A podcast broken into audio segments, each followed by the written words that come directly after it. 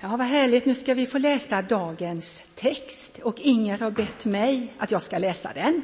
Och det är från Lukas kapitel 15, vers 11, som Inger ska predika över. Lukas kapitel 15, vers 11. Då är det Jesus som säger så här i en liknelse. En man hade två söner. Den yngre sa till sin far, Far, ge mig min del av egendomen. Då delade han sin egendom mellan dem. Kort därefter packade den yngre sonen ihop allt sitt och for långt bort till ett främmande land. Där förde han ett utsvävande liv och slösade bort det han ägde. Men när han hade gjort slut på allt kom en svår hungersnöd över det landet och han började lida nöd. Då gick han bort och slöt sig till en av inbyggarna där som skickade ut honom på sina ägor för att vakta svin. Han skulle gärna ha velat äta sig mätt på de fröskidor som svinen åt, men ingen gav honom något. Då kom han till besinning och sa Hur många daglönare hos min far har inte mat i överflöd och här håller jag på att dö av svält. Jag vill stå upp och gå till min far och säga till honom Far, jag har syndat mot himlen och inför dig. Jag är inte längre värd att kallas din son. Låt mig få bli som en av dina daglönare. Och han stod upp och gick till sin far. Medan han ännu var långt borta fick hans far se honom och förbarmade sig över honom. Fadern skyndade emot honom, föll honom om halsen och kysste honom. Sonen sa till honom, Far, jag har syndat mot himlen och inför dig. Jag är inte längre värd att kallas din son. Men fadern sa till sina tjänare, skynda er att ta fram den bästa dräkten och klä honom i den och sätt en ring på hans hand och skor på hans fötter och hämta den gödda kalven och slakta den och låt oss äta och vara glada. Ty min son var död, men har fått liv igen. Han var förlorad, men är återfunnen. Och festen började. Men hans äldre son hade varit ute på ägorna. När han kom och närmade sig gården fick han höra musik och dans. Han kallade då till sig en av tjänarna och frågade vad detta kunde betyda. Tjänaren svarade, din bror har kommit hem och din far har slaktat den gödda kalven eftersom han har fått honom till välbehållen tillbaka. Då blev han förargad och ville inte gå in. Fadern kom ut och försökte övertala honom, men han svarade sin far här har jag alla dessa år slavat under dig och aldrig överträtt ditt bud och mig har du aldrig gett ens en killing så att jag kunde vara glad med mina vänner. Men när han där kommer hem, din son som har gjort slut på vad du ägde tillsammans med horor, då har du för hans skull slaktat den gödda kalven. Fadern sa till honom, mitt barn, du är alltid hos mig och allt mitt är ditt. Men nu måste vi ha fest och glädja oss. Ty denne din bror var död, men har fått liv igen. Han var förlorad, men är återfunnen. Välkommen Inger och denna predikan du har fått från Herren. Gud välsigne dig. Tack, det är så gott att få lyssna när någon annan läser underbart. Herre, tack att du vill lysa på ditt ord idag så att vi ser någonting speciellt som du kanske vill, vill tala in i våra hjärtan idag. Tack att du öppnar oss. I Jesu namn. Amen. Eh, I juli så var det ett tillfälle när jag predikade över just den här liknelsen. Eh, om den förlorade sonen som vi brukar säga. Men jag skulle hellre vilja säga liknelsen om sonen som kom hem. Eh, eller ännu bättre, liknelsen om den barmhärtige fadern och hans två söner. Om vi ändå ska tala om förlorade så behöver vi nog säga liknelsen om de förlorade sönerna. Den ena var förlorad för att han hade gett sig av, den andra var borta fast han var hemma. Och förra gången så var fokus på den yngre sonen, han som lämnade fadern men som vände hem igen. Och idag tänkte jag att vi skulle lite närmare få möta den äldre sonen, han som var borta fast han var hemma. Och det är ju Lukas. Jag vet att det finns de här som har Lukas som sin favorit bland evangelisterna. Det är han som återger den här liknelsen. Och tidigare i samma kapitel, eh, alltså Lukas 15, så har Jesus berättat två andra liknelser på samma tema. Först om det förlorade och återfunna fåret och sen om det borttappade och upphittade silvermyntet. Eh, och båda de här liknelserna slutar med glädjen över det förlorade som, som eh, kommer tillbaka eller som hittas. Och i början av det här kapitlet, när Lukas för oss läsare ska introducera de här tre liknelserna som han ska återberätta, då säger han så här i vers 1 och framåt. Alla publikaner och syndare höll sig nära in till Jesus för att höra honom. Men fariseerna och de skriftlärde kritiserade honom, alltså Jesus, ständigt och sa den mannen tar emot syndare och äter tillsammans med dem. Och då säger Lukas, då berättade Jesus denna liknelse för dem. Det är alltså speciellt, från början så är den här liknelsen riktad till fariseerna som var kritiska mot hur Jesus åt och festade med dem som fariseerna inte tyckte att han skulle ha något samröre med. Det är ganska bra att ha den bakgrunden när man läser det, så förstår man ännu mera. I de första liknelserna, den om fåret och den om myntet, så finns det ingen motsvarighet till den här senare delen i den liknelse som vi har läst idag. Alltså den här delen som beskriver broderns bittra reaktion. I de två första liknelserna så, så är det mer oproblematiskt. Det slutar med fest och glädje när det borttappade kommer tillbaka. Men i den tredje liknelsen så är det som att Jesus till sist ändå skapar en, en figur som de kritiska fariseerna skulle kunna känna igen sig i, om de nu bara ville lyssna.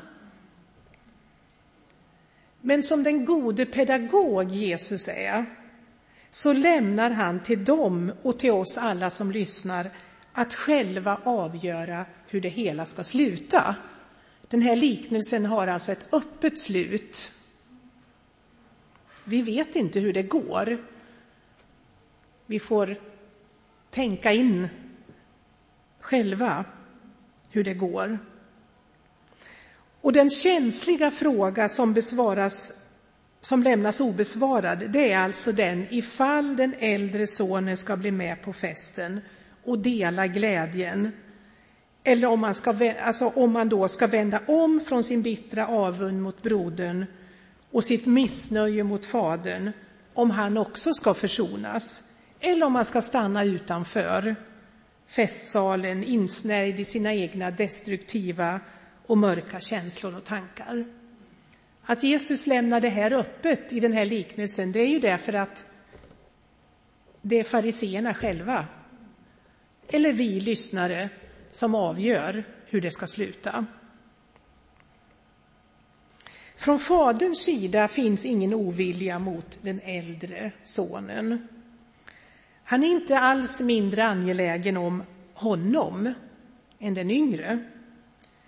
Utan vi kan se i texten att i båda fallen så sträcker Fadern sig ut för att möta sin son just där han befinner sig.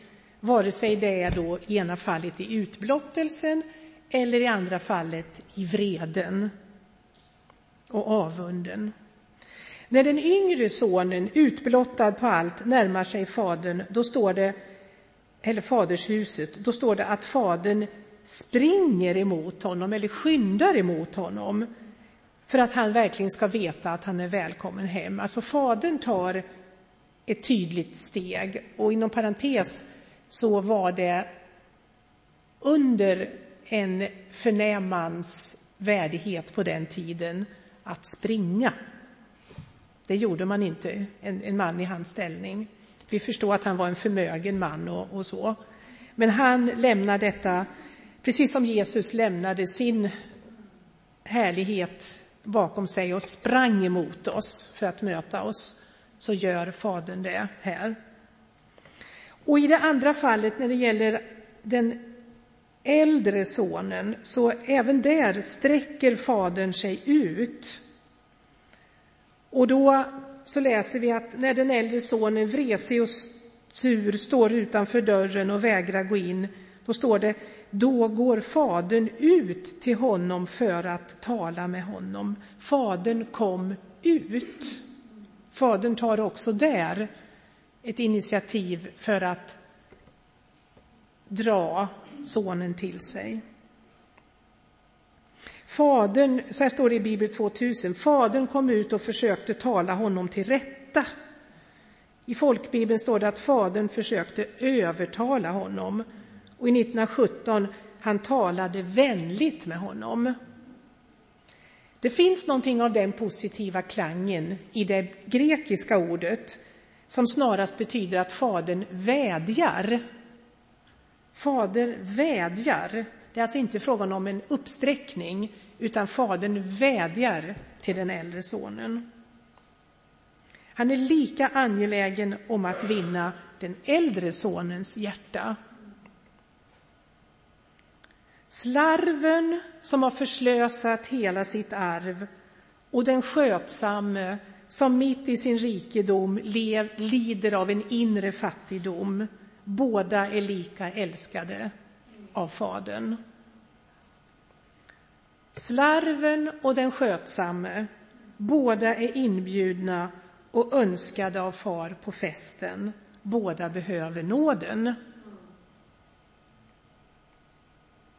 Det var det budskap Jesus ville få fram, både till fariseerna och till alla de andra som fick höra.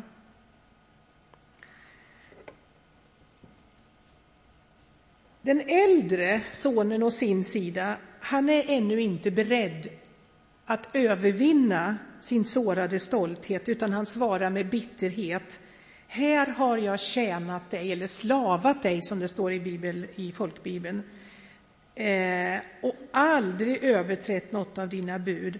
Och mig har du aldrig gett ens en killing att festa med på mina vänner, med mina vänner. Men när han kommer hem, han den där, din son, som har levt upp din egendom tillsammans med horor, då slaktar du gödkalven. Så länge han biter sig fast i sin bitterhet och sina anklagelser så är det omöjligt för honom att gå in och ta del av festen. I själva verket så hade ju båda sönerna lämnat sin far. Den ene i ett öppet uppror, den andra i ett stumt missnöje som så småningom övergick då i vrede och, och avund. Den ene slog sig loss för att pröva något nytt och den andra satt fast i gamla vanor, förlorad i sina plikter. Förlorad i sina plikter. Det är mycket av plikten framför allt i den äldre brodern. Han har gjort allt som förväntas av honom. Men frågan som vaknar, det är vad har Fadern själv egentligen betytt? Mitt i allt detta. Hur viktig har relationen varit? mitt i allt slit och tjänande. Förmodligen inte så viktigt. Känslorna till fadern verkar vara mest präglade av besvikelse och missnöje. Han klagar på sin far. Han tycker att fadern har missunnat honom det som han har gjort sig förtjänt utav. Han pekar på sin långa trogna tjänst, sin exemplariska lydnad och menar att fadern borde ha visat lite mer uppskattning. Han är besviken på sin far, han är besviken på sina år hemma på gården. Han är missnöjd med det ständiga slitet. Och därför kan han inte heller dela faderns glädje den här kvällen. Han har alltså delat hus och hem med fadern, men han har ändå inte blivit lik sin far. Kanske hade den här äldre sonen inte varit medveten om hur mycket av de här jobbiga känslorna som fanns inom honom under ytan. Och frågan är nu, den öppna frågan är nu om han ska inse att han också på sitt sätt är förlorad och i behov av försoning. Att han, precis som lillebror, behöver fars förlåtelse fars omfamning. Att han också behöver komma hem i djupaste bemärkelse. Förmodligen, jag kan tänka mig den omvändelsen och hemkomsten var på ett sätt svårare än lillbrorsans. Den äldre sonen han är inte bara besviken på sin far, han är också avundsjuk på sin bror. Han är avundsjuk för den generositet som fadern visar den slarvige sonen som har förstört halva förmögenheten. Kanske känner han också nu att, va, ska han komma hem nu och leva på mitt? Det, det var ju hans det som Ska han komma hem nu liksom och, och, när han har gjort över med allt? Och kanske någonstans, kanske hade han också någonstans velat följa med sin bror. Kanske hade han haft en hemlig avund redan då varför han stack iväg och blev fri. Och nu när han kommer hem och liksom har gjort slut på allt, nu ska han komma här och, och liksom leva på, på mig.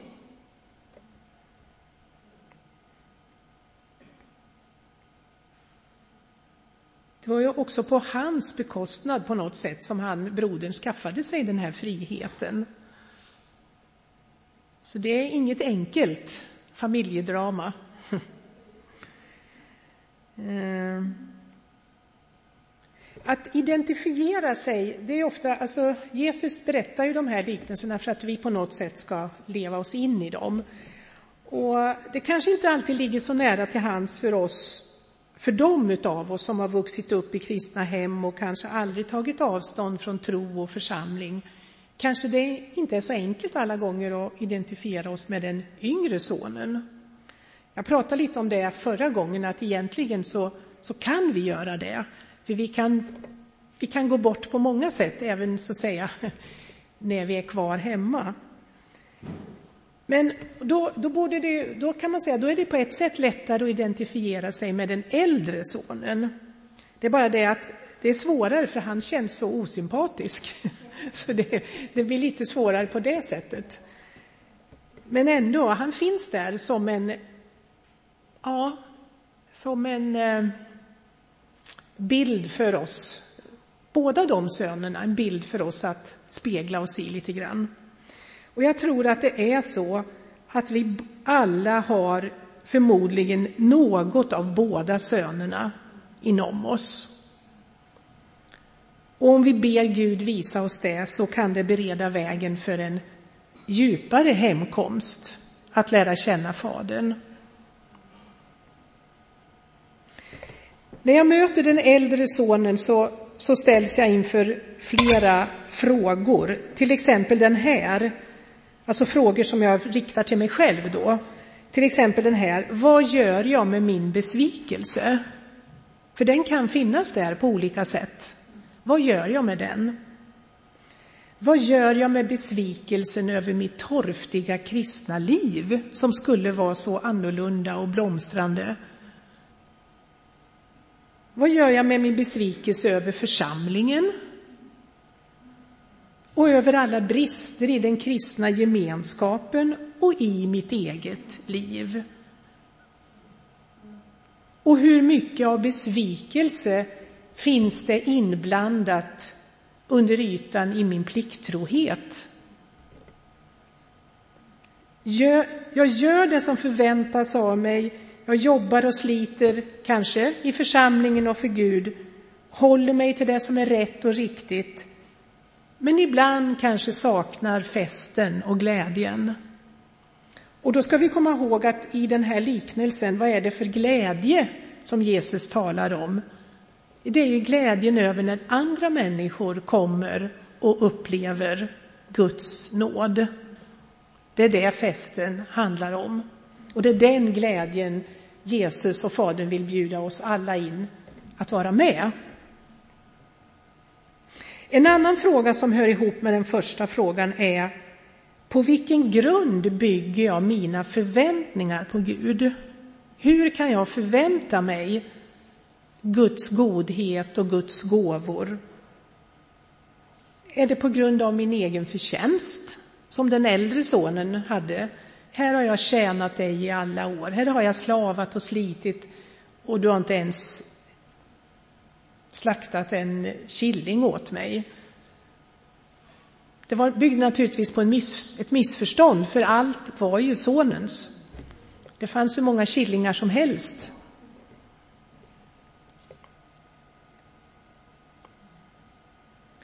Varför, hur kan jag förvänta mig, varför skulle Gud ge mig av sin kärlek och sina gåvor? Är det för att jag har gjort en insats för honom?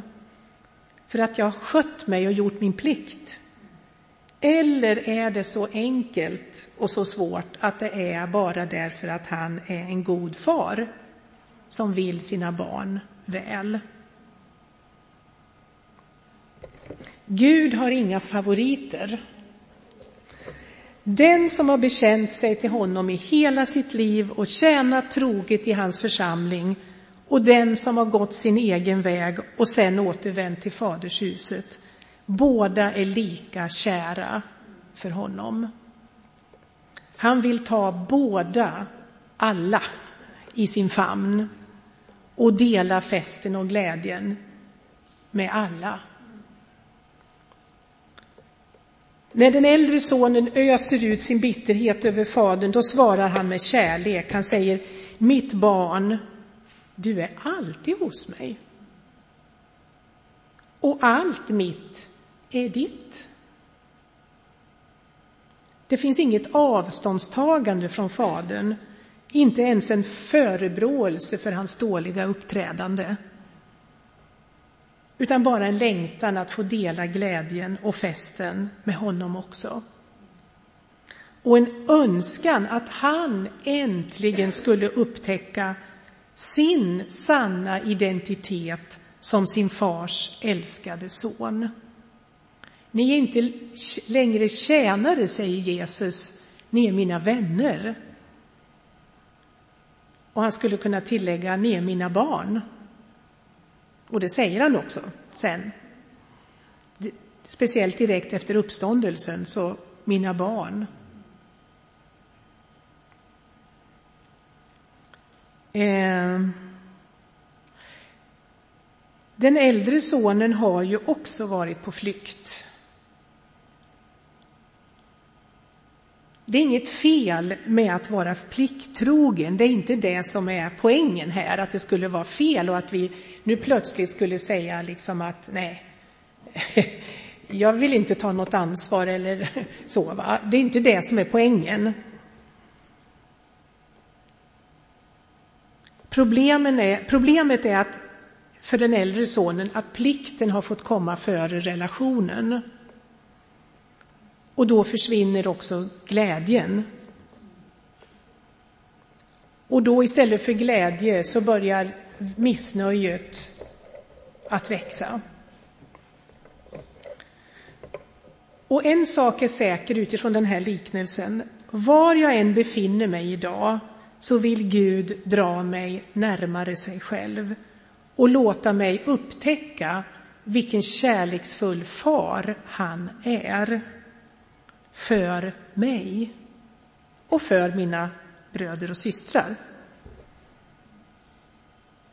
Var jag än befinner mig så vill Gud ge mig av sin fullkomliga, obegränsade kärlek. Han säger till oss var och en, mitt barn, du är alltid hos mig. Även om du ibland stänger ditt hjärta för mig och för min kärlek, så är den ändå alltid lika verklig. Jag stänger aldrig mitt hjärta för dig. Du finns alltid inför mitt ansikte. Allt mitt är ditt. Kom in i min glädje. Om du känner så, det gör vi alla av och till,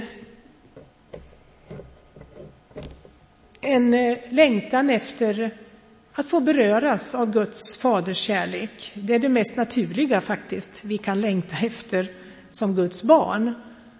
Så är också förbönen här idag ett tillfälle om du tycker att det känns skönt att få dela det. Annars kan du bara här, kan vi tillsammans här i, i gudstjänsten när vi fortsätter i bön och tillbedjan öppna oss för Guds faders kärlek, Faderns kärlek. Vare sig vi har varit långt där ute och cyklat i främmande land eller gått hemma och, och, och känt avståndet till far, så är vi välkomna att komma nära. Vi ber.